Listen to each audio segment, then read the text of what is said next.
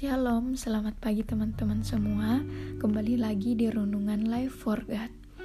Sebelum kita memulai renungan, marilah kita siapkan hati kita. Kita berdoa. Bapa kami yang ada di sorga, Bapa yang kami sembah di dalam anakmu Tuhan Yesus Kristus.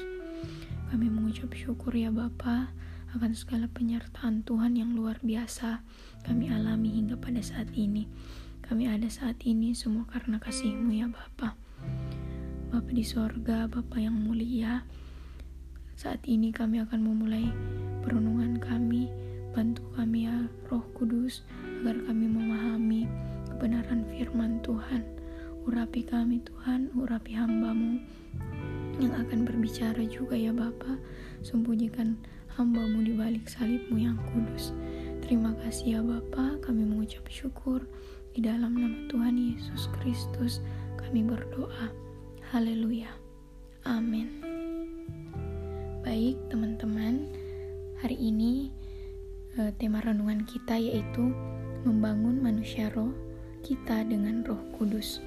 Adapun pembacaan firman Tuhan yang kita ambil hari ini ya, dari Yohanes 4 ayat yang ke-23 sampai yang ke-24. Mari kita buka sama-sama Yohanes 4 ayat yang ke-23 sampai yang ke-24.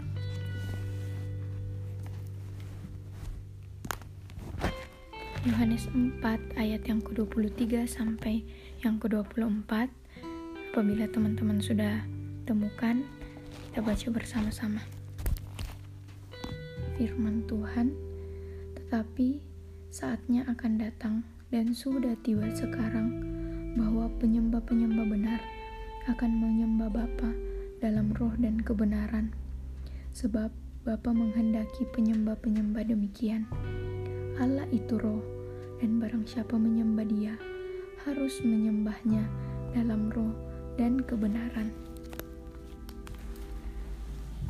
Haleluya. Uh, Teman-teman, sebagai manusia, kita terdiri atas dua bagian, di mana yang pertama yaitu tubuh jasmani kita yang saat ini yang kelihatan, dan yang kedua yaitu roh yang ada dalam diri kita yang tidak kelihatan. Meskipun tidak kelihatan, namun memiliki peran besar dalam kehidupan kita karena mencakup jiwa, pikiran, hati, keinginan, dan sebagainya.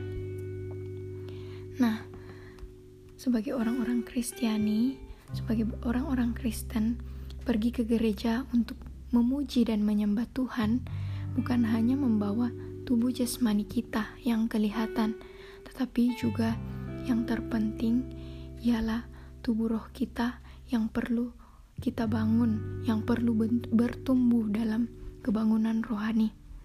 Sebab Hidup ini adalah sebuah perlombaan rohani, di mana kita harus sampai ke garis finish yang penuh kemenangan, dan sebagai orang-orang Kristen, kita lahir sebagai orang-orang yang lebih dari pemenang, kata firman Tuhan.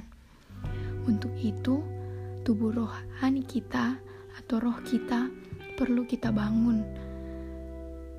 Kita perlu bertumbuh dalam roh kita kita perlu berapi-api dalam mengikut Kristus, karena di saat kita lemah, kita gampang jatuh. Nah, percuma saja kita rajin ke gereja, kita terlihat hadir di gereja atau ikut ibadah, ikut saat teduh untuk memuji dan menyembah Tuhan, untuk beribadah. Tetapi manusia rohani kita, kita tidak bangun. Hati, jiwa, pikiran kita tidak dibangun hati kita tidak hati pikiran kita begitu-begitu saja. Manusia rohani kita tidak diurapi dengan Roh Kudus. Kita tidak mengundang Roh Kudus di dalam kehidupan kita. Nah, maka dari itu teman-teman, jangan kita mengikut Tuhan dengan roh keagamawian di mana tubuh jasmani kita rajin ke gereja, rajin beribadah, kita rajin saat teduh setiap hari, tetapi tidak dengan manusia rohani kita. Manusia rohani kita tidak kita bangun juga. Nah, untuk itu kita perlu sungguh-sungguh. Manusia rohani kita perlu dibangun karena jika kita telah dipanggil Tuhan atau kita telah meninggal, tubuh jasmani kita akan tinggal di dunia, sedangkan manusia roh kita lah yang akan kembali kepada Tuhan. Oleh karena itu, kita sebagai pengikut Kristus harus mampu membangun kehidupan manusia roh kita. Ketika kita memuji dan menyembah Tuhan dalam roh dan kebenaran, Roh Kudus akan menuntun manusia roh kita untuk bersama-sama memuji Tuhan.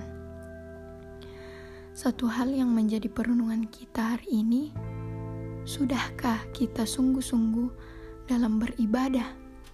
Apakah kita sudah mengizinkan Roh Kudus bekerja dalam hidup kita saat kita menyembah, saat kita memuji Tuhan, saat kita saat teduh, baik secara kita ibadah secara online maupun secara langsung. Nah, teman-teman, satu pesan dari perenungan kita hari ini yaitu marilah kita sungguh-sungguh dalam beribadah sesuai dengan firman Tuhan. Kita menjadi penyembah-penyembah dalam roh dan kebenaran. Sebab yang kita sembah Allah kita adalah roh dan kebenaran. Mari kita tutup doa kita eh, perenungan kita hari ini dengan doa. Mari kita berdoa. Bapa kami yang ada di sorga, terima kasih buat perenungan, buat firman Tuhan yang menyadarkan kami hari ini bagaimana kami menyembah Tuhan di dalam roh dan kebenaran. Kami mohon ampun Tuhan akan segala dosa kami apabila kami menyembah Engkau hanya dengan rutinitas saja, hanya sekedar rutinitas sehari-hari. Kami tidak sungguh-sungguh. Melalui perenungan ini, kami mohon, kami disadarkan bahwa kami perlu menyembah Tuhan dengan sungguh-sungguh. Kami mau mengendang roh kudusmu ke dalam hati kami di saat kami memuji dan menyembahmu ya Bapak. Berkati kami Tuhan, kiranya mulai hari ini kami sungguh-sungguh menyembah Tuhan dalam roh dan kebenaran. Terima kasih ya Bapa, berkati aktivitas kami hari ini, kami serahkan semuanya di dalam tanganmu, sebab Engkaulah pemilik kehidupan kami. Di dalam nama Tuhan Yesus, kami mengucap syukur, kami berdoa kepadamu. Haleluya.